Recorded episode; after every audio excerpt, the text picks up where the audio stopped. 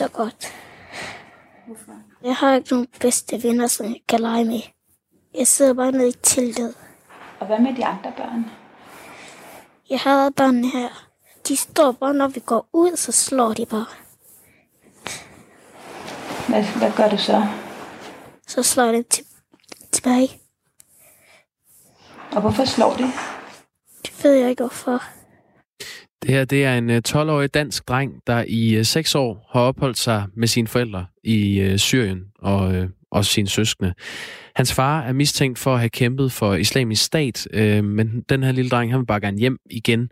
regeringen afviser at hjælpe de her børn af Syriens krigere hjem til Danmark, og vi skal tale med Jesper Petersen, Socialdemokratiets politiske ordfører, hvordan det kan være. Det er klokken kvart over otte. Det glæder jeg mig meget til, det interview. Altså, hvordan harmonerer det med, at øh, Mette Frederiksen er øh, børnenes statsminister? Det er et af de interviews, der udspiller sig i den her time, som er den sidste i Radio 4 morgen i den her uge, sådan i hverdagsforstand i hvert fald. Vi begynder dog et øh, andet sted. En historie, som vi også har været på lidt tidligere på morgenen. Når man øh, laver en vinbar, så skal der også være mulighed for, at de handicappede kan komme ind og få sig et glas vin. Også hvis de sidder i kørestol, og det betyder, at øh, når de så efterfølgende skal på toilettet, så skal det også være indrettet til det. Vi har tidligere på morgenen talt med Stina Kallesen, som har en vinbar i Aarhus, og hun fortalte, at hvis hun skulle have handicap-adgang i sin lille vinbar med 20 sædepladser, ville det gribe om sig. Ja. Jamen altså, det endte med, at øh, den løsning, der blev øh, til sidst blev godtaget, øh, ville løbe op i noget, der ligner 350-400.000. Øh, og udover det, så vil det spise 10 af mine sædepladser. Vi havde også øh, SF's boligordfører Kirsten Norman Svendsen i øh, tale. Hun synes, det er vigtigt at holde fast i ligestilling og tilgængelighed. Nu skal vi sige godmorgen til Sif Holst, som er næstformand i Danske Handicaporganisationer, og også gerne vil være med til at tale om det her. Formand for noget, der også hedder God Adgang. Meget velanbragt i det her interview. Goddag, Sif Holst. Goddag. Det, der bliver diskuteret frem og tilbage mellem politikeren på den ene side og den lille næringsdrivende på den anden side, det er, om reglerne er for rigide for den enkelte. Synes du, de er gode, eller synes du, øh, kan du forstå en, en ejer af en vinbar, der har problemer med at leve op til dem? Jeg synes, vi har nogle gode, øh, gode regler. Vi har et godt bygningsreglement. Altså bygningsreglementet er bygget op og sagt, vi vil gerne et samfund, hvor vi alle sammen har lige muligheder. Og det er både lige muligheder i forhold til for eksempel at gå på vinbar. Det kunne også godt være, at man skulle møde sin øh, fremtidige kæreste derinde. Det kunne være, at man skulle møde nogle gode venner. Men det kunne også godt være, at man gerne vil arbejde derinde.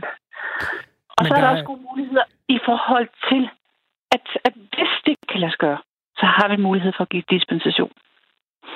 Og det er jo det, reglerne siger. Hvor, hvor, øh, hvor befinder du dig sådan følelsesmæssigt, når du hører hende fortælle, at det er sådan set ikke en, en mulighed for hende at lave de adgangsforhold, som de bliver beskrevet. Nu er hun så heldig, at der dukkede nogle andre lokaler op, men alternativet var, at hun simpelthen havde lukket den ned. Altså lukket vinbaren ned. Er jo netop det der pointen, det er altså at sige, jamen det kan godt være, at de lokaler, hun valgte først, ikke er ideelle til formålet. Øh, der er ingen, der siger, at det er præcis, at den der adresse, man nødvendigvis altid skal indrettes på, det gælder jo i forhold til alle ting. Det mm. kunne også være, at der, der er også krav omkring noget klimasikring og sådan noget. Der er jo mange ting i vores bygningsreglement, som stiller krav til, at vi siger, jamen, vi vil gerne indrette os på den her måde i samfundet. Vi ved godt, at det ikke sker fra, fra den ene dag til den anden. Vi sikrer, at alle nybyggeri bliver indrettet på, på en klima forsvarlig måde. Vi sikrer, at der skal være mennesker med handicap. Vi sikrer, at mm. hvis det brænder ned, at folk kan slippe ud. Og alle de der ting. Og når vi renoverer gamle bygninger, så gør vi det også. Og så kan det godt være, at den der vinbar, hun først havde kigget, de lokale, hun først havde kigget på, ikke var de rigtige til hende. Men, men der bliver jeg nødt til lige at, at, at lave en lille faktaboks, fordi hun havde en vinbutik i de lokaler ja. i forvejen. Og det var altså der, hun havde indrettet sig og besluttet sig for at lave det om til et sted, hvor folk kunne komme og drikke vin, i stedet for bare at købe den. Så på den måde var ja. der en god grund til, at lige præcis var der, hun gerne ville være. Altså, det var der, hun hørte til. Og, og det er jo så der, hvor man skal sige, der er, er det jo så Aarhus Kommune, der må gå ind og vurdere. Altså, men det er jo ændret, en ændring øh, i, i anvendelsen i forhold til bygningsreglementet, og derfor kommer bygningsreglementet i, ind og, og spiller ind. Men, men, men derfor kan det godt være, at man siger, at man kunne gerne have noget mere plads også, fordi hun gerne vil have plads til de her sædepladser. Så er det måske bedre med nogle andre lokaler et andet sted. I hendes tilfælde, så øh, vil det betyde, at 20 pladser, som jo i forvejen er en relativt lille øh, vinbar, at det vil blive reduceret til 10 pladser når der også var de, der skulle tages de hensyn, som der nu skal for, at mennesker med kørestol kunne være der, og også kunne komme på toilettet og alt sådan noget. At, er det en, også i din optik en høj pris at betale, eller synes du, det er rimeligt? Men vi kan, øh, du, du sætter det op til, altså det er kun der, det kunne kun lade sig gøre det ene sted. Mm. Og pointen er jo ligesom, at det kunne det godt, og det er jo heldigvis lykkedes for et andet sted. Og det handler jo kun et spørgsmål om, at nogle enkelte med kørestol ligesom mig, det handler også om, at vi har flere, der bliver ældre, som måske også får nogle problemstillinger hen ad vejen. Øh, det handler om, at folk kan få en midlertidig skade, og måske stadig gerne vil gå, gå i byen. Øh, og der er mange ting, der gør, at vi har valgt at sige, at vi vil gerne indrette os på den her måde og stille de her krav. Stine Kallesen øh, er næstformand i Danske Handicaporganisationer og havde altså også heldigvis lige øh, mulighed for at ytre sig i en debat, som har udspillet sig her i Radio 4 morgen tidligere på dagen. Du har i hvert fald øh, opbakning fra Kirsten Normand, som er boligordfører hos SF. Der mødes lidt mere modstand hos nogle af de enkelte. Tak fordi du var med, Siv Folst. Tak. Hej. Hej. Hej, hej. Ja, det er jo den problemstilling, man står i. Skal der være adgang øh, hele vejen rundt, eller skal der ikke? Er det unfair? Øh, vi har fået en del øh, sms'er på det, blandt andet fra Annette, som vi øh, læste hold, øh, højt tidligere. Det er hende, der bor på, øh, på Lundtoftegade i København, inde på Nørrebro, øh, som har en søn, der er kørestolsbruger. De kan ikke komme ned. Øh, de bor lige ved buen. Øhm, og øh, de kan ikke øh, gå dernede med ham, fordi han sidder i kørestol. Der er for mange huller, som han sidder fast i. De kan ikke komme ind i Rema 1000 lige om hjørnet. De kan ikke komme ind i øh, Lidl på Frederiksberg. Øh, Københavns Kommune har øh, tilset området, men har overset det her problem, siger Annette.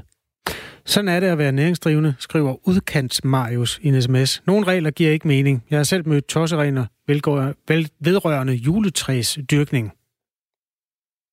Tak for indsparket, Marius. Tak, Marius. Nu skal vi til noget øh, helt andet. Hvordan har du det? Ikke så godt. Hvorfor? Jeg har ikke nogen bedste venner, som jeg kan lege med. Jeg sidder bare nede i teltet. Og hvad med de andre børn? Jeg har børnene her. De står bare, når vi går ud, så slår de bare. Hvad, hvad gør du så? Så slår de til, tilbage. Sådan siger en 12-årig dansk dreng, der i 6 øh, år har opholdt sig med sine forældre og søskende i øh, Syrien. Hans far er mistænkt for at have kæmpet for islamisk stat, øh, men den her 12-årige danske dreng, han vil bare gerne hjem til Danmark igen. Godmorgen Jesper Petersen. Godmorgen. Socialdemokratiets politiske ordfører. Mette Frederiksen, børnenes statsminister og S-regeringen vil ikke hente de her børn, der sidder i lejrene i Syrien hjem. Hvorfor må den her 12-årige dreng ikke komme tilbage til Danmark? Ja, men det er jo en, øh, en rigtig øh, svær sag med, med nogle vanskelige dilemmaer, det her. Jeg synes ikke, der er grund til at, at, at gøre som om, at det er nemt. Øhm, men den besked, vi har fra politiets efterretningstjeneste, øh, det er jo, at øh, de forældre, som vil have krav på at komme med, øh, hvis man over en kamp tog alle de her børn hjem, de er altså farlige for Danmark. Og, og derfor så er et bredt flertal i Folketinget jo også nået frem til, at, øh, at vi ønsker ikke at have øh, de her øh, farlige mennesker i vores samfund, og, øh, og derfor så, bortset fra nogle humanitære grunde, der kan være til at tage, tage børn hjem, og det er sket i enkelte tilfælde, så, øh, så, så bærer de desværre jo altså en del af en meget en, en, en dyr pris for, at deres forældre har truffet det valg, at de tilsluttede sig øh, islamisk stat og, øh, og vendte Danmark ryggen øh, tilbage for, for nogle år siden, da de altså valgte at, at forlade Danmark. Ifølge PT, der opholder mindst 20 øh, børn af danske statsborgere sig i de her øh, kurdisk kontrollerede fangelejre i det nordlige Syrien. Og det er primært i de lejre, der hedder Al-Røy og Al-Hol, Øh, børnene de er i alderen fra, fra 0 til 14 år. Og øh, Jesper Petersen, nu nævner du det selv, det her med, at, at man kan lave en individuel vurdering, hvis børnene er i fare for, altså øh, akut far for at dø, eller mm. for alvorlige og veje men. Øhm, prøv at beskrive, hvad forskellen er på at, at være øh, meget øh, syg, eller tæt på at dø, eller få veje men, og så den her 12-årige dreng, vi hører fra. Jamen, det man skal hele tiden have som udgangspunkt, det er jo, at når vi har gjort alle dilemmaerne op, øh, så må vi, så når vi frem til, at vores primære solidaritet, øh, den må være øh, hos danskerne og det danske samfund, som vi ikke vil udsætte øh, for unødig fare. Derfor vil vi gerne have, at de her farlige mennesker, de bliver, øh, hvor de er. Og det, øh, det rammer så blandt andet øh, jo de her børn, som, øh, som er i de her lejre, hvor der helt sikkert ikke er øh, rart at være. Det, det er stensikkert. Øhm, og øh, de tilfælde, der så har været af, hvor et barn alligevel er, er kommet hjem, der har det jo været øh, i det ene tilfælde et forældreløst barn, øh, og det andet tilfælde en et anden situation, hvor, hvor der simpelthen var øh, øh, livsfare, og der har det så været, været muligt at, øh, at hente øh, de, øh, de, de børn hjem. Ja, fordi spørgsmålet er, at du, du nævner de her farlige mennesker, de mennesker, der har vendt Danmark ryggen for at tage ned til Syrien for at kæmpe for islamisk stat. Men det er jo ikke den 12-årige dreng, der har vendt Danmark ryggen. Så hvorfor skal han betale prisen? Og det er jo derfor, det er vanskeligt det her, ikke? Men øh, problemet er, at hvis man over en kamp tager de her børn hjem, øh, så vil i hver enkelt situation, så vil deres forældre have krav på at, øh, at komme med. Øh, og så er vi jo i den situation, at vi får mennesker tilbage til Danmark, som PET siger øh, til os politikere, øh, de er farlige, de er dybt radikaliseret, øh, de har selv besluttet for år tilbage at tilslutte sig et af de mest grusomme terrorregimer, verden har set. Øhm, og der vendte de altså Danmark ryggen, og derfor mener vi ikke, at de har samme krav øh, på vores beskyttelse, som andre danske statsborgere har. Øh, vi forsøger også at tage statsborgerskabet fra dem, øh, hvis ikke at det er sådan, at de så ender med at være statsløse, så, så kan og vil vi ikke gøre det. Øh, men det er jo også sket i nogle tilfælde nu. Mm. Øh, er det tilfælde, hvor, hvor der er dobbelt statsborgerskab, at så, tager man, så, så prøver man, og, og det er også lykkedes i flere tilfælde, at, at tage det fra dem. Det er farlige mennesker, vi har ikke lyst til at have dem i vores samfund, og, og risikoen er jo i sidste ende, at der sker yderligere radikalisering i Danmark, mm. eller øh, mennesker i Danmark, der kommer til skade, fordi at der bliver begået ja, andre handlinger af de her mennesker, som, som altså vurderes farlige. Nu er der to sms'er, hvor det samme spørgsmål det fremgår af. Den ene kommer fra Charlie. Øhm, der bliver spurgt, kan man ikke fratage forældrene forældremyndigheden? Ja, altså at tage de der børn fra forældrene. Det er jo noget af det, der også blev sagt i nytårstalen, at der skulle være mere af. Jo, det er, det er jo en af de øh, overvejelser, man kan gøre, som om det er et muligt øh, alternativ, og det, det synes jeg er en, er en færre pointe øh, og overvejelse at, at komme med. Øhm, det er jo også et stort indgreb, og det vil være øh, at sige, at man øh, helt øh, givet, at der vil det være i barnets tag at adskille dem fra deres forældre. Og så vil der jo være den øh, ja, ret praktiske vanskelighed her, at øh, de jo sidder i lejre i, øh, i Syrien, og det man så ville skulle i sidste ende var at, at sætte danske øh, politibetjente eller andre øh, ind i de her lejre og simpelthen øh, med vold øh, tage de her børn fra deres forældre, og, øh, og på en eller anden måde jo også udsætte de politibetjente for en, for en risiko. Øh, og det, det er ikke et ønske, som regeringen så er, er nået frem til, eller øh, det, det flertal i Folketinget, der bakker op om den linje, der er, øh, er, er nået frem til. Synes du, det er et større indgreb at, at tvangsfjerne et barn fra øh, terrorister, end det er at, øh, at lade ham øh, sidde, nu den her 12-årige dreng for eksempel, i en, øh, en kurdisk kontrolleret øh, øh, flygtningelejr, eller lejr for, for tidligere øh, terrorister af islamisk stat i Nordsjøen? Undskyld, det skal jeg lige have, have igen om. Jamen, synes, du, det, et, synes du, det er et større indgreb at tvangsfjerne øh, børn fra øh, nogle forældre, som har valgt at, at tage ned og kæmpe for islamisk stat, end det er at, at lade dem sidde i en øh, lejr i, i Syrien? De er sammen med deres øh, forældre, øh, som, øh, som jo har forældremyndigheden til de her børn.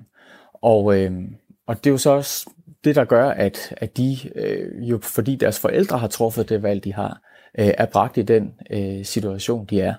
Øhm, og, og igen må jeg jo sige, at, at det her ikke på nogen måde er, er nemt, men det vi har skulle overveje, det synes jeg først og fremmest har været øh, danskernes sikkerhed og det danske samfunds sikkerhed, øh, og, og i mindre grad jo øh, så et hensyn til mennesker, der godt nok har et rødbedefarvet øh, pas, altså forældrene her, men som, øh, som ikke tillader det nogen stor betydning, da de besluttede sig for at, øh, at tilslutte sig øh, islamisk stat og, og kæmpe for et terrorregime, de jo godt vidste, øh, hvad gik ud på.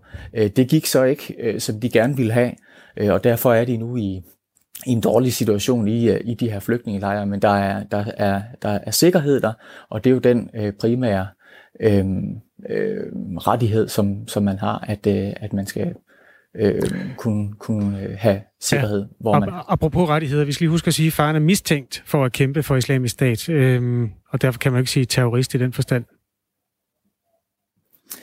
Bevisbyrden er nogle gange vanskelig her, men i sig selv øh, Altså fordi, hvad, hvad har folk egentlig foretaget sig øh, på slagmarken? Øh, kan jo være vanskeligt at bevise her efterfølgende, men, men de er jo ikke havnet der ved et tilfælde. Øh, det er mennesker, der godt vidste, hvad islamisk stat gik ud på, og mens der var øh, krig, og der fandtes et kalifat, valgte de at tilslutte sig det, øh, og, øh, og er, er rejst derned. Og det, det var ikke for at tage øh, på badeferie, det var for at tilslutte sig islamisk stat, det ved man. Og flere af de tilfælde, der er bragt frem i TV2's dokumentar, der øh, erkender eller i et af tilfældene, der er det jo også en mand, som, som, som siger, at han går som en stadig ind for sharia. Øhm, men, øh, men han, vil, han vil nu godt hjem øh, til Danmark igen. Og, og den Jesper klare besked Petersen, til os politikere, det er, at de er farlige, de her mennesker. Derfor vil vi ikke have dem i, i vores samfund. Din øh, partiformand og statsminister, Mette Frederiksen, hun øh, sagde sådan her på jeres kongres i 2018. Som samfund skal vi altid stå på børnenes side. Man vælger ikke selv sine forældre, men vi, vi vælger, om vi vil hjælpe de børn, der har brug for vores hjælp. Det er det, I vælger. Man vælger ikke selv sine forældre. Det har hun gentaget øh, flere gange siden, øh, Mette Frederiksen. Den her 12-årige dreng, har han selv valgt sine egne forældre? Nej, det har han, øh, det har han jo ikke. Øhm, hvorfor skal han, han så betale prisen? Han bærer jo øh, en omkostning her for sine forældres valg. Ja, hvorfor skal og, han det? Og jeg har, som jeg har redegjort for, så er, så er problemet jo, at, at forældrene øh, vil have ret til at, øh, at vende øh, med hjem til Danmark. Ikke hvis I tvangsfjerner og, øh, Nej, og det, det er selvfølgelig den, øh, et, et reelt input, der er, er, er kommet, og en overvejelse, man kan gøre. Men det vil altså indebære, at man så skal sende øh, danske politifolk øh, og andre ind i de her områder, øh, for, at, øh, for at, at, at tage børn med ud, og også udsætte dem for den risiko, øh, det er. Så, så som, som situationen er nu, er det vrede flertal af Folketinget enige i, at, øh, at for at undgå, at de her øh, farlige mennesker kommer tilbage til Danmark, så, så er der den situation, øh, der, der er for nuværende. Og det er derfor, at øh, Mette Frederiksens garanti om at hjælpe børn, den så ikke gælder for de børn, der sidder i Syrien, som er danske? Ja, det er det, og, og jeg gør jo ikke som om, at det her det er nemt over, overhovedet. Øh, jeg håber, at alle vil øh, også gøre sig selv den overvejelse, at når det kommer til stykket, så det der sådan det vi i hvert fald nået frem til, så er det vigtigste for os at passe på øh, danskerne og det danske samfund. Og som situationen er nu, så kan vi ikke undgå, at de her farlige mennesker kommer tilbage, øh, hvis man, øh, hvis man tog, tog de her børn hjem over, øh, over en, en gang. Men de er jo også danske, de børn, der sidder dernede. Men de, det gælder så ikke for dem? Øhm, de, de er der, fordi at deres forældre har vendt øh, Danmark ryggen og ikke gik meget op i det med at være, at være dansk og hvad det danske samfund øh, går, går ud på, da de valgte at, at tilslutte sig øh, islamisk stat. Og var det gået anderledes, end forældrene havde, havde ønsket sig, øh, så, så kunne de jo så have levet i et, øh, i et kalifat i Mellemøsten nu. Sådan gik det ikke. Øhm, og det, det kan vi andre jo være, være glade for, at islamisk stats indflydelse og magt, den er, den er mindre. Øhm, men derfor er de nu i en, øh, en flygtningelejr og tilbageholdt i en flygtningelejr jeg, i, øh, i det nordlige Syrien. Jeg tror, de fleste øh, her til lands er glade for, at det ikke går bedre med, med islamisk stat. Men, men spørgsmålet er jo, om, om man selv vælger sine forældre, og hvorfor de her danske børn, de skal øh, bøde for deres forældres valg. Men det er simpelthen en, en pris, I er villige til at betale i regeringen. Er det sådan, vi skal forstå det? Det skal forstås sådan, at øh, både vi og et øh, stort flertal i Folketinget har sagt, at når det kommer til stykket i sidste ende, når vi har når vi er igennem alle de her dilemmaer, og den øh, ondt i maven, jeg også får, af at tænke over, at der er børn, der lever under de her vilkår, og som, som bærer den her omkostning for deres forældres valg, at, at så er øh, det vigtigste for os at passe på danskerne og det danske samfund, og de, de folk, der vil komme med hjem til Danmark, vil øh, simpelthen udgøre en fare for os, øh, og den vil vi ikke udsætte øh, danskerne for. Med mindre I fjernede dem. Tvangsfjernede børnene dernede fra. Som også har nogle implikationer, der ikke er sådan lige at gennemføre, og hvor du også automatisk vil sige, at, øh, at det er, øh, er sådan, at øh, de her forældres øh, forældremyndighed, den, øh, den kan man sådan uden videre øh, tage fra dem. Øh, også selvom det jo godt under de vanskelige vilkår, der er, øh, kan være, at de forældre faktisk er i stand til at, at, at, at tage vare på deres børn. Det sagde øh, Jesper Petersen, Socialdemokratiets øh, politiske ordfører. Tak fordi du var med her. Det var så lidt. Masser af sms'er, som vi kan løbe igennem her. Øhm, fordi nogen har anbragt nogle andre i en lejr, er det ikke ens betydende med, at de alle er terrorister, står der i den første af dem. Det er korrekt. Øhm, ja, de er mistænkt, dem der er der. Øhm, det er det, der hedder arvesynd, er der en, der skriver. Så kommer vi til den næste, hvor der står, hvis side er I på, stop nu det der læfleri, for det utøj, de er selv rejst, de må tage den derfra. Ja, øhm, man tvangsfjerner jo masser af børn i Danmark, øh, der har det lettere end de børn i Syrien. Kunne man ikke også forestille sig, at forældrene frivilligt vil gå med til at afgive forældremyndigheden? Så det han siger med at tage dem ud med vold, det er ikke nødvendigt. En anden lytter skriver, hvorfor er hele præmissen, hvordan de skal hjem? De skal ikke til Danmark, de er ikke danske. Læs nu de kritiske sms'er også. Ja, der er så en mere her. Jeg synes ikke, de skal hjem, men vi har allerede islamister i landet. De er også en trussel. Det er Tommy. Der er forældre, det er Jens, der skriver her, der er forældre, der bærer skylden og ansvaret for, at de er i den situation med at støtte dette frygtelige islamiske stat, og vi skal ikke have noget af det hjem, skriver Jens. Hvorfor spørger de ikke forældrene, hvordan de kan tillade, at deres søn har det sådan på grund af deres religion? Er der en, der skriver? Ja, og det er altså TV2, der har lavet båndet, interviewet, som vi har hørt med drengen der. Så det er øh, ikke muligt for os at stille det spørgsmål videre. En anden sms. Den her lille dreng vil bare hjem igen. Er der intet i medier ikke vil sige eller gøre for at importere så mange muslimer til Danmark som muligt? Hvad med de stakkels drenge og piger, der hver dag lider i de danske skoler, og unge mænd, der bliver smidt ud foran kørende biler i København? Spørgsmål tegn. Det er en, øh, en principiel sag, som virkelig øh, kan få sindene i kog, men det er jo også en helt konkret sag, øh, som vi kunne høre med den her øh, 12-årige dreng, som befinder sig dernede lige nu. Og vi har jo så set eksempler på, at regeringen rent faktisk har taget nogle af de her børn øh, hjem. Det skete i øh, juni 2013, nej, 2019, undskyld, en 13-årig dreng, øh, som blev taget ud af Al-Hol-lejren, og det skete, fordi han var livstruende såret. Og øh, de danske myndigheder har også taget imod et forældreløst barn på 11 måneder, som kom fra Al-Hol. Der er mange, der øh, for det første spørger, hvad vores dagsorden er. Der, øh, og, altså, det er der sådan set. Der er ikke nogen dagsorden.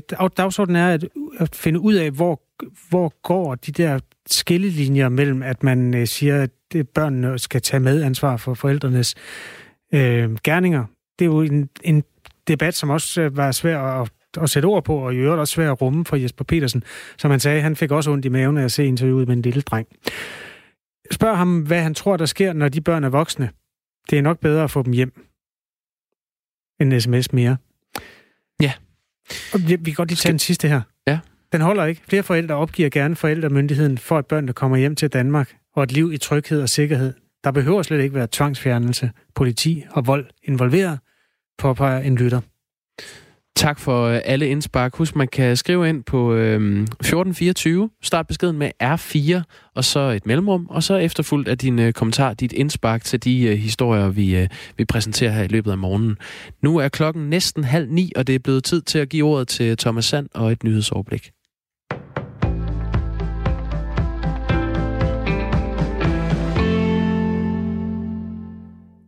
Paris Marathon er blevet udskudt til oktober som følge af det smitsomme coronavirus, det oplyser arrangørerne i en erklæring. Arrangementet skulle efter planen have løbet af stablen 5. april, men på grund af virusudbruddet er det blevet rykket til 18. oktober.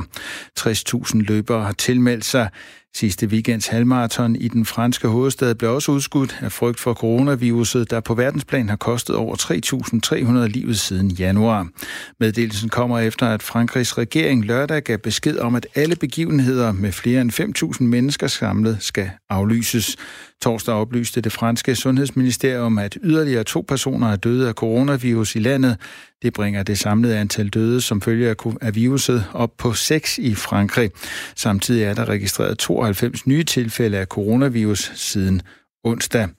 Det er den største stigning i antallet af nye tilfælde på et enkelt døgn i Frankrig siden udbruddet begyndte. I alt er 377 personer i Frankrig bekræftet smittet med coronavirus. Det danske udenrigsministerium opdaterede torsdag aften rejsevejledning i Frankrig som følge af virusudbruddet i landet. Jeg opfordres alle til at udvise ekstra forsigtighed under rejser til Frankrig samt en række andre lande.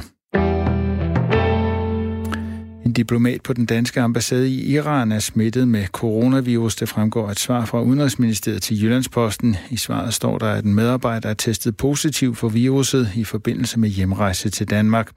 Udenrigsministeriet oplyser, at en medarbejder, som er udsendt til ambassaden i Teheran, er bekræftet smittet med coronavirus i forbindelse med planlagt hjemrejse til Danmark, skriver Udenrigsministeriet til avisen. Senest efter påske skal regeringen præsentere en køreplan for modtagelsen af 500 kvoteflygtninge. Sådan lyder det fra SF's formand Pia Olsen Dyr forud for partiets landsmøde i Kolding i weekenden.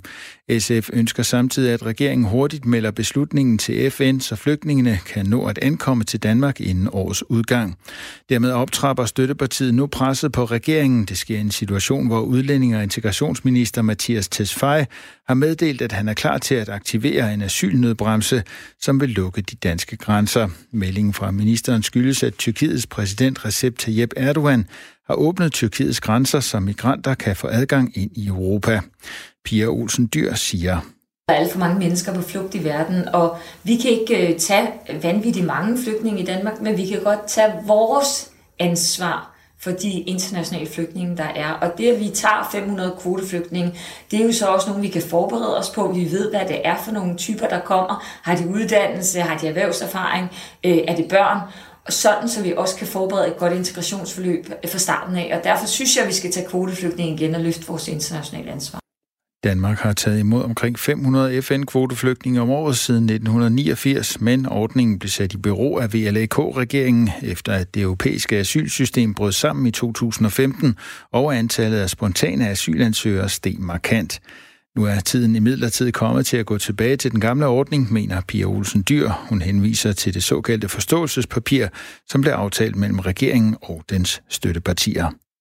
I forståelsespapiret der blev vi jo enige om, at Danmark skulle tilbage og genindføre kvoteflygtninge igen. Det er det, som man gjorde øh, før den borgerlige regering. Der tog man omkring 500 om året, og jeg mener jo, hvis vi skal leve op til den forpligtelse, vi har givet hinanden i forståelsespapiret, og vi har jo alle sammen øh, haft nogle ting, der var vigtige for hinanden, øh, Øh, og det er særlig vigtigt for SF, jamen så mener jeg, at, øh, at øh, regeringen skal i gang, og skal i gang efter påske. Det bliver skyet, og i løbet af formiddagen kommer der regn fra sydvest, og langsomt breder sig til resten af landet, dog undtagen Nordjylland. Temperaturer mellem 4 og 6 grader. Vinden bliver let til frisk fra øst og nordøst ved kysterne op til hård vind. Der er risiko for pletvis rimklatte veje, primært i Nordjylland.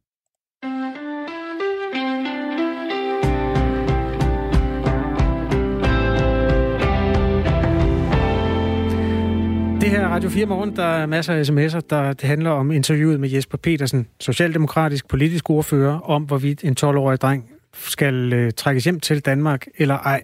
Han har det ikke særlig godt nede i den flygtningelejr, men han er der, fordi hans far har taget ned og taget ham med, og i øvrigt også hans søskende og hans øh, mor er der af samme grund, fordi de vil ned og kæmpe for islamisk stat. Nej, de vil ikke. Faren ville.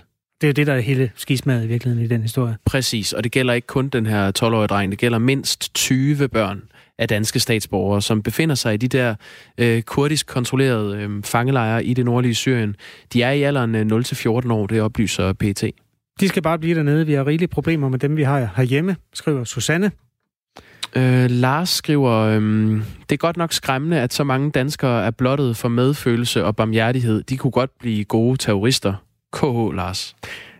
Øh, fuck had. Man skal behandle mennesker ordentligt, uanset om der er plads i Danmark eller ej. Mm.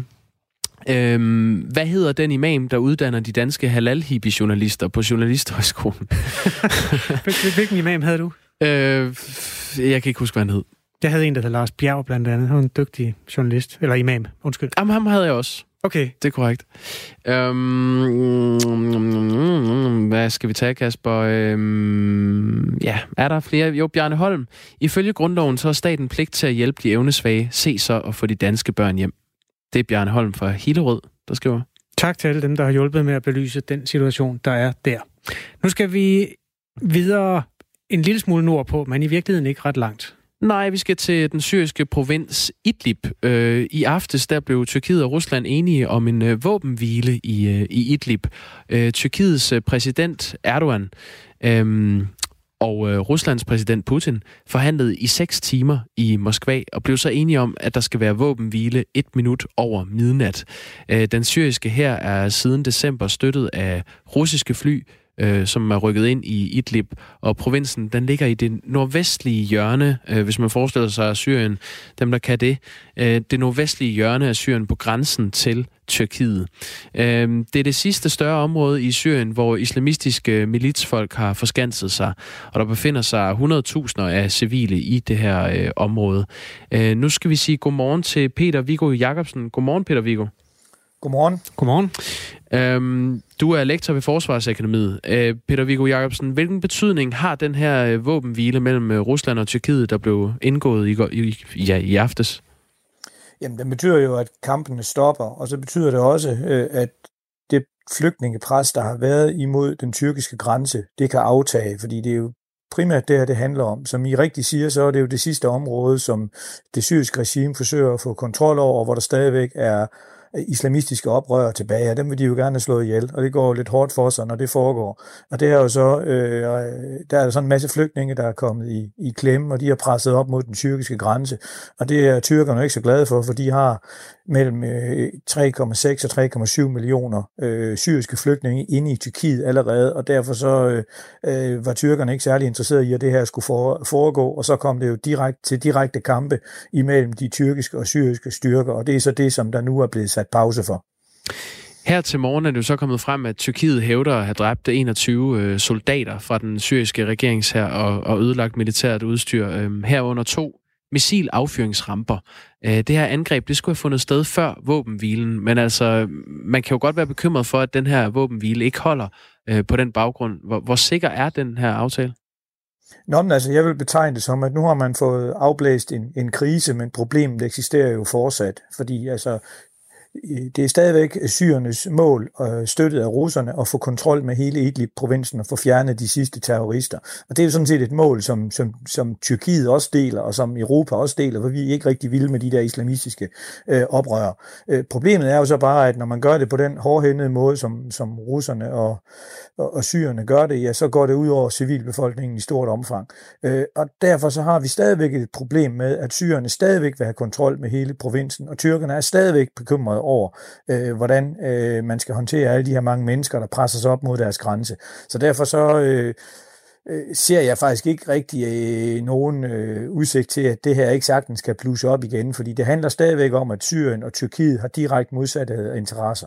Det her var bare ved at blive for farligt, fordi der døde ret mange tyrkiske, tyrkiske soldater. Det, det, der udløste den her krise, det var jo et angreb, der dræbte øh, 33 eller 34 tyrkiske øh, soldater, og derfor så øh, gik tyrkerne hårdt ind i kampen, og det var så det, øh, der fik, øh, fik russerne til at trække i håndbremsen. Nu siger du øh, kampe bluse op igen. Altså, er de overhovedet øh, bluset ned? Er det sådan, vi skal se på det? Jamen altså indtil videre ser det ud som om, at våbenvinen holder. Jeg har i hvert fald ikke set nogen meldinger på, at der skulle være sket noget efter kl. 12. Det er rigtigt nok, at tyrkerne siger, at de dræbte nogle syriske øh, soldater lige inden øh, våbenhvilen trådte i kraft, men det må man jo sådan set også godt. For indtil da var der jo stadigvæk direkte kampe. Og jeg ved ikke, om det er korrekt. Man skal altid tage sådan nogle meldinger med et grænsalt, men det er jo meget vigtigt for tyrkerne at få signaleret over for deres egen øh, befolkning, at de har fået blodhævn, for nu at sige det meget firkantet. Ikke? Altså det er jo en stor udmygelse af det tyrkiske forsvar, at de mistede så mange soldater på en, en gang, og det har følgelig ført, ført til stor vrede og frustration i den tyrkiske befolkning, og det er det, som de tyr, tyrkiske myndigheder kan være med til at lukke ned for med den her melding. Øh, så, så det er nok i den lys, man skal se den her udmelding. Erdogan han, øh, han sagde øh, ved samme forbindelse i går, at Tyrkiet forbeholder sig retten til at gengælde med hele sin styrke et hvert angreb, som den syriske regering så måtte uh, gennemføre på trods af våbenhvilen. Mm, Peter Viggo Jacobsen, kommer vi til at se flere kampe i Idlib fremover? Ja, på et eller andet tidspunkt gør vi, som jeg, så for, som jeg sagde før, så, så har, man, har, man, har, man, har man nu sat øh, trykket på pauseknappen, men det fundamentale problem, der består, det er overhovedet ikke løst. Og derfor kan jeg slet ikke forestille mig andet, at der kommer til kamphandlinger igen i Idlib. Så, så det er bare et spørgsmål om tid, desværre. Det ville være dejligt, om den her våben ville kunne føre til, at man også kunne give de humanitære nødhjælpsorganisationer mulighed for at hjælpe de her mange 100.000 mennesker, der er kommet i klemme. Men altså, nu må vi se, hvordan det videre udvikler sig, men jeg tror roligt, vi kan forberede os på, at det her kommer til at blusse op igen, og derfor er det altså også vigtigt, at EU finder ud af, øh, om man ikke på en eller anden måde kan gå ind og påvirke den her situation, så det er ikke bare hele tiden er russerne, man skal hænge sin hat på. For grunden til, at vi nu oplever en flygtningesituation på de græske øer og mod, med, mod den græs, græs-tyrkiske grænse, det er jo fordi, at, at Tyrkiet er frygt for, for alle de her flere flygtninge i sit land lægger pres på EU for ligesom at sige, hallo, hvis I ikke hjælper os nu i forhold til at få løst det her problem ind i Syrien, så lader vi det gå ud over jer. Og derfor så bliver EU altså nu, nu nødt til at tænke lidt mere fremadrettet øh, og sige, hvordan skal vi gøre for at forhindre den her situation i at gentage sig? Hvordan kan vi gå ind og påvirke situationen i Syrien for at medvirke til at løse problemet? Og der er nok desværre kun én løsning, og det er at hælde en masse penge ind i Syrien, således at man kan skabe tålige forhold for de mennesker, der er derinde, og så prøver den vej at påvirke den syriske regering til at håndtere øh, situationen generelt, men også situationen i Idlib lidt mere lempeligt, så det ikke får de her store konsekvenser rent flygtningemæssigt. Men er der nogen udsigt til, at det kommer til at ske? Jamen altså, hvis, hvis, altså det kommer, altså den syriske regering er jo totalt økonomisk presset, fordi den skal genopbygge et helt land. Og der er ikke nogen, der kommer til at hjælpe dem udefra andre end EU. Sauderne gider ikke bruge penge på sådan noget her. Det var de forkerte, der vandt i saudernes øjne. Russerne vil heller ikke, og amerikanerne er også hammer ligeglade, for det er ikke, de, de, de flygtninge rammer ikke USA. Så det er EU, der står med, med, med, med, med problemet, som det altid er tilfældet. Så i stedet for at blive ved med at sige, at man ikke vil øh, hjælpe og ikke vil have noget at gøre med det syriske regime, så burde man starte med at lave en pro, en, en, en fremadrettet strategi med henblik på at kunne stille nogle betingelser til det syriske øh, regime til gengæld for, at man så afleverer en masse penge, for det kommer vi til uanset, for at at få, få så mange flygtninge tilbage til Syrien så hurtigt som muligt. Og så kan man lige så godt tage tyren ved hånden og prøve at få indflydelse frem for bare hele tiden at skulle stå og betale. For det er jo også det, vi hører den danske udenrigsminister nu sige, ja, men det er også rigtigt, og nu skal vi give tyrkerne nogle flere penge. Vi kan ikke blive ved med at bare hælde penge ned i et sort hul, uden at have indflydelse øh, på noget som helst. Det er i hvert fald en meget dum strategi, men det er sådan set den strategi, øh, EU har forfulgt siden øh, situationen eksploderede for første gang i, hvad hedder det, i, i 2015. Og nu bliver vi altså nødt til at tænke lidt mere fremad, i stedet for hele tiden at forsøge at fange tog, der er ved at forlade perronen. Sådan sagde Peter Viggo Jacobsen fra Forsvarsakademiet. Tak for analysen. Selv tak. Lad os lige gå lidt ned i baggrunden. Neden? Avrupa Birliği sözünde durması lazım. Vi vil ikke lukke dørene igen. Hvorfor ikke? Fordi EU bør holde deres løfter. Det var noget, Erdogan sagde på et pressemøde, og øh, så åbnede han ellers grænserne op mod Grækenland. Og det er jo hele baggrunden for, at der er flygtninge og migranter, der har siddet i Tyrkiet, som nu strømmer opad. Aftalen mellem Tyrkiet og EU var jo ellers, at Tyrkiet skulle holde på de her mange flygtninge, men det vil Erdogan ikke længere. Det er en udvikling, der har fyldt en hel masse i medierne hele ugen, også i vores radio, fordi kommer vi til at se en øh, gentagelse af flygtningekrisen i 2015, hvor flygtningene gik gennem EU på motorvejene, spurgte folk hinanden. Godmorgen, Mads Anneberg. Godmorgen. Velkommen hjem. Tak. Reporter på Radio 4, som har befundet sig hele ugen først i Tyrkiet, kort øh, ovenikøbet i, øh, var det politiets varetægt? Ja, det var en form for gendarmeri, der, der havde snuppet mig. Senere på den græske ø Lesbos, hvor du måtte øh, undgå folk, der bankede journalister ned og alt den slags. For... Ja, så blev du også tårgasset. Det gør jeg også. Ja. Og nu har du øh, heldigvis fundet vejen hjem igen. De seneste meldinger er, at Grækenland har stoppet knap 35.000 i at krydse grænsen, og det var noget af det, du overvejede der. Øhm, hvordan vil du sammenfatte det, du har set de sidste 4-5 dage? Øhm, jamen altså, man kan sige, hvis jeg lige må knytte en kommentar til det, som Peter Vigus sagde øh, for lidt siden, altså fordi på det der store politiske niveau, så har han fuldstændig ret i, at altså, EU har forpasset en chance de her sidste fire år, hvor der, har været, øh, hvor der ikke har været særlig meget tryk på, til at få, få lavet en mere holdbar løsning. Og det har man ikke gjort, og det er altså det, man ser konsekvensen af nu, og det er det, man kan tage ned til grænsen og, og, og, og se, hvad der så sker, øh, når man ikke har en, en, en langsigtet løsning på plads. Og Erdogan, han så hiver tæppet væk under hele øh, situationen. Øh, på, den, på den menneskelige side, jamen så ser man folk, som altså øh, er... Øh, Øh, jamen, stadig har håbet om at kunne komme over på den anden side, over på vores side, øh, for, at få et, øh, for at få et bedre liv. Og det er de altså villige til at stå der og, og sove øh, på, på en kold mark øh, mange, mange, mange dage i træk for at øh, se ske. Den her rejse, med Anneberg har været på reportageturen øh, til den grænse, hvor flygtningen står i tusindtal, den begyndte øh, i Tyrkiet i mandags, hvor øh, vi skal høre et interview, som du lavede ved grænsen den, der taler allerbedst engelsk i familien her, det er Hasti på, på 15. Um, what, has, uh, what has made you come to the border? Border. I just wanna to go because Turkey don't help us and just hurt us. Tor- Turkey and we just need to go where- wherever country. Okay, så hun siger, at hvad skal man sige, Tyrkiet øh, er ikke et godt sted at være for dem, så de vil bare øh, hvilket som helst andet sted hen. Do you, do you think it's going to be better in Greece? No. Greece more than bad. Uh, Turkey. But we just uh, come to Greece for about one week and then we just go. Uh, Italian or Denmark or where, wherever country. We just need to go. Så man kan sige, det er altså ikke fordi, de tror, familien her, at Grækenland det er noget slaraffenland, øh, hvad det jo øh, heller ikke er, kan man sige, for, for flygtninge. Men, øh, men de har simpelthen planer om, hvis de nu kan, kan komme ind, øh, så er de jo i Schengen, og så kan de tage til Italien eller, eller Danmark, eller hvor, hvor det nu skulle være. Det her det er et klip, som øh, Mads Anneberg lavede tidligere på ugen ved den græsk-tyrkiske grænse, altså den, den landbaserede grænse, mm. hvor de håbede, at der ville blive åbnet. Samtidig så begyndte gummibådene at fræse frem og tilbage mellem Kos og den tyrkiske grænse, Lesbos, hvor du senere tog til. Har, altså står folk stadig ved grænsen der og håber, at der bliver åbnet? Det, det er svært at den sætte overblik over, tror jeg, øh, lige nu, hvor mange, hvor mange mennesker der er, men der er helt klart øh, stadig øh, mennesker på grænsen. Der er, er meldinger om, at der bliver, stadig bliver stoppet flere tusinde øh, i døgnet øh, af, af grækerne øh, på, på, på grænsen her. Så, så det er altså ikke sådan, at folk har, har, har givet op endnu. Og man kan sige, det som lykkes for folk, det er jo så at komme af, af søvejen. Der er jo kommet øh, ja, i omegnen af de der 1000, øh, 2000 øh, mennesker, som altså sejler med, med, med gummibåde på den her lidt, øh, lidt farlige tur øh, hen til de græske øer. Vi kan komme til Lesbos lidt øh, senere, men inden vi mm, forlader din tur til Tyrkiet, så bliver vi næsten nødt til lige at genhøre noget, der skete øh, faktisk lige op til, at vi skulle lukke et morgenprogram klokken 9 i mandags. Altså, de kører simpelthen forbi øh, grækerne her og patruljerer altså lige hen ved, ved hegnet her, hvor vi står. Og skyder lidt med tårgas, lidt med... Hvor mange mennesker sige, er der? Fuha, det, det, som de så skød, det er øh, undskyld. tårgas.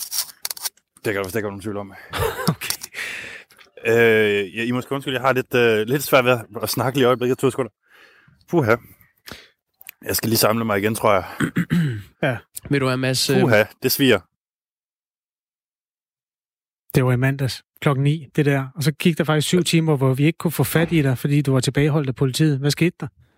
Øh, jamen, der skete der så det, at lige efter det her, så, øh, så blev jeg simpelthen lige øh, prikket på skulderen af en, øh, en mand, som sagde, du må ikke være her.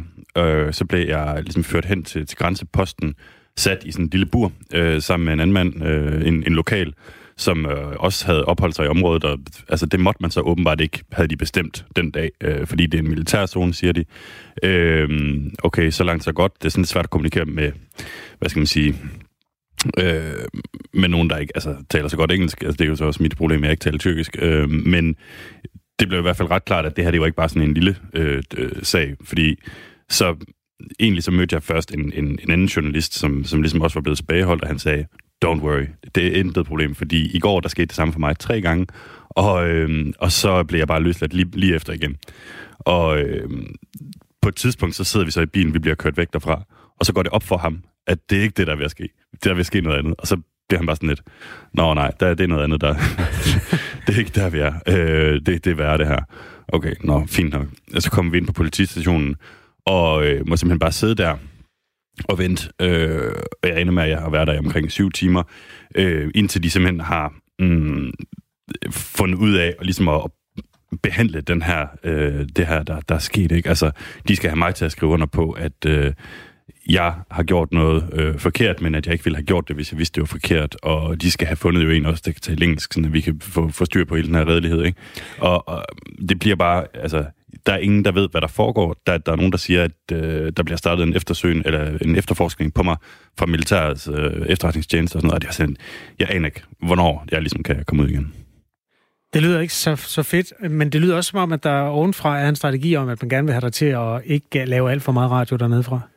Det var... Øh, det var lidt en underlig øh, sag, fordi i princippet så var Tyrkiet i den her situation jo øh, okay tilfreds med, at journalister kunne komme mm, et stykke hen mod grænsen for lige at, at rapportere om det her, fordi det er noget, de gerne selv vil have promoveret, at, øh, at de tager, øh, at, at de gør. Men Omvendt så var der nok et eller andet hen i den sidste kilometers øh, penge der, som de ikke lige synes var så fedt, man kom hen og så.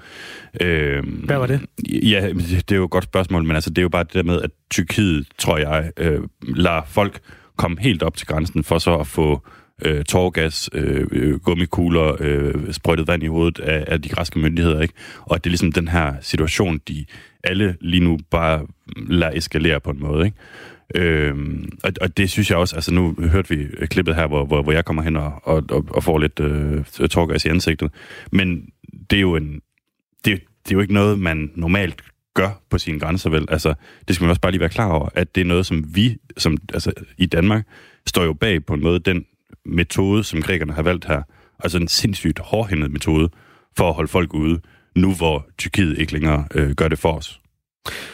Der er altid mange, der øh, skriver sms'er ind, når vi diskuterer det her, og det er ofte også folk, der er modstandere af alt for meget indvandring, der, der ligesom løfter pegefingeren og spørger om forskellige ting.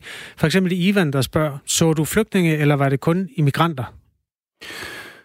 Ja, så hør, det er jo ikke, altså, problemet er, du, du, du kan adskille de to ting ved, at folk kommer hen til grænsen og søger asyl, og så behandler man deres asylproces.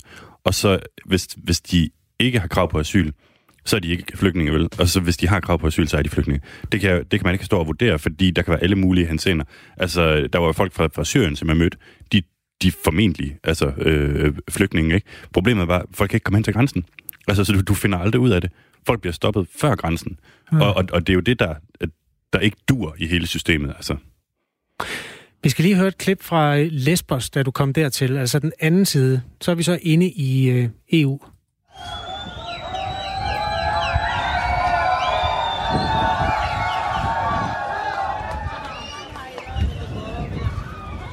Der sker det lige nu, at der er en masse migranter, som prøver at komme med den færge, som er bag ved mig her, øh, som går til Athen.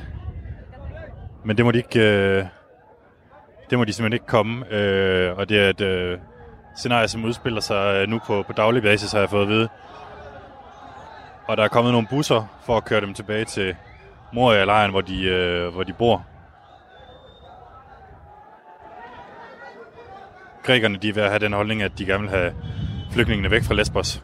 Flygtningene på Lesbos vil meget gerne væk fra Lesbos. Men det kan de altså ikke komme. Uh, yeah, we want to go to Athens. The situation of Moria is so bad. Uh, we don't want uh, to be in here. Uh, Denmark. Germany? Denmark. Denmark. No. I can speak German. But you also speak English very well. No, no, no, not English, just German. Ich war in Deutschland. So sie Jetzt bin, bist du hier. bin ich hier und ich will nochmal nach Deutschland gehen. Alle Leute wollen nach, nach Athen zu gehen. Und die Und- Griechen kommen hier und sagen, die Ausländer sind böse, die sind so. Und wir wollen gehen und die Polizei erlaubt uns nicht. Jeg har mødt en, øh, en ung fyr, som, øh, som har boet i Tyskland, taler øh, med mange længder bedre tysk, end jeg gør. Øh, men jeg synes da, jeg forstod nogenlunde, at øh, han i hvert fald, altså han havde boet i Tyskland, han var så kommet tilbage hertil, men, øh, og boede nu i, i den her Moria-lejr, men han ville til Athen, ligesom alle de andre, som, øh, som står her, de øh, i hvert fald godt og vel 100 mennesker, måske øh, op mod et par hundrede mennesker, øh, som står her lige nu. Nu sker der noget. Det er tydeligt, folk de tror, at der er åbnet op nu, så de kan få lov at komme ombord på færgen. Is it uh, open? Uh, no. No? English. Ja, det bliver altså heller ikke i dag, at de forsamlede flygtninge og migranter her, de kommer væk fra Lesbos. En reportage, som Mads Anneberg lavede på Lesbos øh, tidligere på den her uge, hvor han også mødte en ung kvinde, der arbejder på en café. En af dem, der er rigtig træt af, at der bliver ved med at vælte asylansøgere ind på Lesbos. We said peacefully, no more. Please, no more. We can't take no more. That's what we they we said. No one hear us. So we are going to find another way to hear our voice. That's the only way. You want war. War it is. Det bliver simpelthen kaldt en krig fra hendes side, og der er jo rigtig mange grækere, der øh, går hårdhændet til værks for at få stoppet den der indvandring, der aldrig stopper, hvis ikke nogen stopper den. Mm. Hvordan øh, vil du beskrive stemningen på den ø? Forfærdelig stemning. Altså det virkelig, virkelig højspændt, øh, helt på kogepunktet. Alle er, er frustreret over øh, situationen, som, altså, som også er, er, er dårlig for alle. Altså de lokale her, som, som jeg talte med, de øh, ser ligesom deres livsgrundlag blive blive smadret, øh, fordi de ikke kan, de kan ikke leve på samme måde. Der kommer ikke de der turister øh, længere til øen. Øh, flygtningen, de bor under sindssygt kummerlige forhold, og altså, de lokale kan også godt sympatisere med det, ikke? Altså, der, jeg, jeg mødte en mand, som sammenlignede det med Auschwitz, og sagde, at det, det skulle ikke eksistere sådan noget, vel? Altså, i den der kæmpestore flygtningelejr, som er på øen. Øhm, og, og, og det er bare, altså, netop hvad skal man sige, flygtningekrisen fra, fra 2015, hvor folk ligesom stadig sidder der fra, fra den gang, ikke? Altså, og det, øh, det gør bare, at når der så kommer flere nu, så, så eksploderer det fuldstændig på, på sådan, sådan en lille ø der. Det, der også foregår, det er, at øh, grænsevagterne går meget, øh, hvad skal man sige, sådan, det, at de går hårdt til værks, også over for NGO'er og folk, der hjælper flygtninge. Og der er nogle, ja. der er sådan lidt militsagtige typer, der begynder at blande sig i det der. Hvordan var det at, at være vidne til, at, at øh, hvad skal man sige, det var nærmest kampe? Ja, altså man kan sige, jeg, øh, jeg, jeg kommer aldrig ud og observere det, fordi jeg bliver opmærksom på det på, på et rimelig tidligt tidspunkt, at, at det simpelthen er, er, er farligt at bevæge sig ud. Dels fordi, at øh, der er journalister, som er blevet overfaldet og, og sparket øh, af øh, de her sådan, øh, ekstremister, græske ekstremister. Og, øh, og så får jeg også bare at vide, at, at du ved, mange nødhjælpsarbejdere har nødt til at trække sig hjem igen. Øh, til, til, til der, hvor de kommer fra, øh, altså udenlandske nødhjælpsarbejdere, fordi det er alt for farligt, og deres biler er blevet smadret. Øh, der er nogen, der har sådan, altså, hvis de havde en båd, så de prøvede at sætte ild til den, mens folk stadig var på den, og sådan eller i hvert fald hælde benzin ud over den, ikke? Og sådan, bare gjort det meget tydeligt, både at migranterne, der kommer nu, og flygtningen, de, øh, de skal væk, prøve at vende båden om, når de kommer ind i havnen, men også dem, der hjælper dem, de skal også tage væk nu. Altså, øh, og det, det, er jo, det er jo helt vanvittigt at, at komme sådan et sted hen, hvor, øh, hvor der er så store spændinger. Det, der foregår lige nu, det er, at 100 øh, nye grænsevagter bliver sendt. Det var noget EU-kommissionsformanden øh, gjorde opmærksom på allerede tirsdag. 100 border guards, in addition to the current 530 border guards, will be deployed by Frontex at the land and at the sea borders. Ja, 100 nye grænsevagter, sagde Ursula von der Leyen. Øh, sådan til sidst, Mads, hvis man skal samle op på alt det, der er sket i den her uge, kommer der en ny flygtningekrise, som dem, der, der var i 2015, hvor de væltede ind i tusindvis øh, flygtninge og, og gik på vejene? Mm, nej, det tror jeg ikke, der gør. Det, det, det er lidt svært at sige lige nu, men altså, man kan sige, den her aftale, som jeg sagde i starten, den har jo øh, med, med, med Tyrkiet, som nu er brudt sammen, den har jo gjort, at, at der har været øh, ret roligt omkring grænserne de sidste fire års tid. Det kunne man have brugt på at, at lave et, et øh, vejet og holdbart system, øh, men det har man så ikke gjort, så det er lidt uvist, øh, hvad der kommer til at ske øh, helt præcist. Men lige nu, der har sådan et land som Grækenland jo så overtaget de øh, metoder, som vi har haft andre til at gøre for os, og hvad skal man sige, meget hårdhændet øh, lykkedes i godsøjen med at holde folk ud. Det var altså vores øjne og ører i den øh, grænseregion, som i øjeblikket er under kæmpe pres. Godt at have dig hjemme igen, med Sandeberg. Tak. Klokken er to minutter i ni. Du lytter til Radio 4 morgen. Det er det, du gør. Og om øh, 8 minutter, så skal vi sige øh, godmorgen til øh, Svende Lund Jensen og ring til Svende. Hej Svende, velkommen i studiet. Du Tusind kan, tak. Du kan overtage mikrofonen fra Mads Anneberg. Det gør jeg. Øh, Svende, hvad skal det handle om i dag? Det handler om god ledelse. Har du øh, oplevet øh, forskel på, om øh, mandlige eller kvindelige ledere er de bedste? Er mændene bare bedst øh, på hjørnekontorene, og så kan kvinderne få lov at lede en kantine eller et eller andet, hvis vi sætter det lidt på spidsen, ikke? Eller det er, omvendt. Fordi, eller omvendt. Mm. Og det er jo det, vi gerne vil, vil tale om. Vi er faldet over en artikel i øh, Aarhus Stifttiden i går med en kvinde, som har overtaget direktørposten efter sin mand. Og hun siger, jeg troede, jeg skulle lyne gylden op og lede som en mand. Og de her, de her mange fordomme og forestillinger, vi har omkring, hvad er en god leder, hvad er en god ansat, det, det synes vi er rigtig spændende at tage fat på. Og, og vi kan altså se, at selvom det går fremad med, med kvinder i lederstillinger, så er det stadig kun cirka hver fjerde leder, der er en øh, kvinde. Mm. Spændende. Kasper, har du haft nogle gode øh, kvindelige, mandlige ledere? Jamen, jeg har da kun... Øh, vi er jo, der var propfyldt af kvindelige ledere i det hus her. Vi har en direktør, en direktør der hedder Anne-Marie Dom. Ja. Og ja, vi har en redaktionschef, der hedder en nyhedschef, der Nu hedder Tina. opremser du bare. Jeg vil hellere høre, hvad du synes. Jamen, Og, godt og fedter. Jamen, jeg kan sgu godt lide dem. Vi har også en chef, der hedder Victor. Ham kan jeg også godt lide. Jeg tror ikke, det kommer så nøje, hvad køn de lige er. Det kan man jo også... Det, det, det er jo altid til forhandling. Men det er heller ikke kun øh, lederens køn, du spørger efter, vel? Svende? Nej, altså vi spørger, vi spørger, hvad er en god leder? Og så taler vi om, er der så forskel? Og det er jo det, som, som man kan sige, vi måske har haft i baghovedet i mange år. Der er forskel. Det er der måske ikke i virkeligheden, som Kasper siger. Skriv ind på 1424, start din besked med R4, som øh, du plejer, når du skal i kontakt med Radio 4. Et mellemrum, og så din øh, kommentar, det er ring til Svende her om 5 minutter. Jeg ved godt, der er 100 år til det bliver mandag, men måske er det alligevel ret for folk at vide, at til den tid, der er det Dan Grønbæk og Stine Krohmann Dragsted, der laver Radio 4 morgen til dig. Så er du uh, simpelthen advaret om det. Vi ja. ønsker verdens bedste fredag.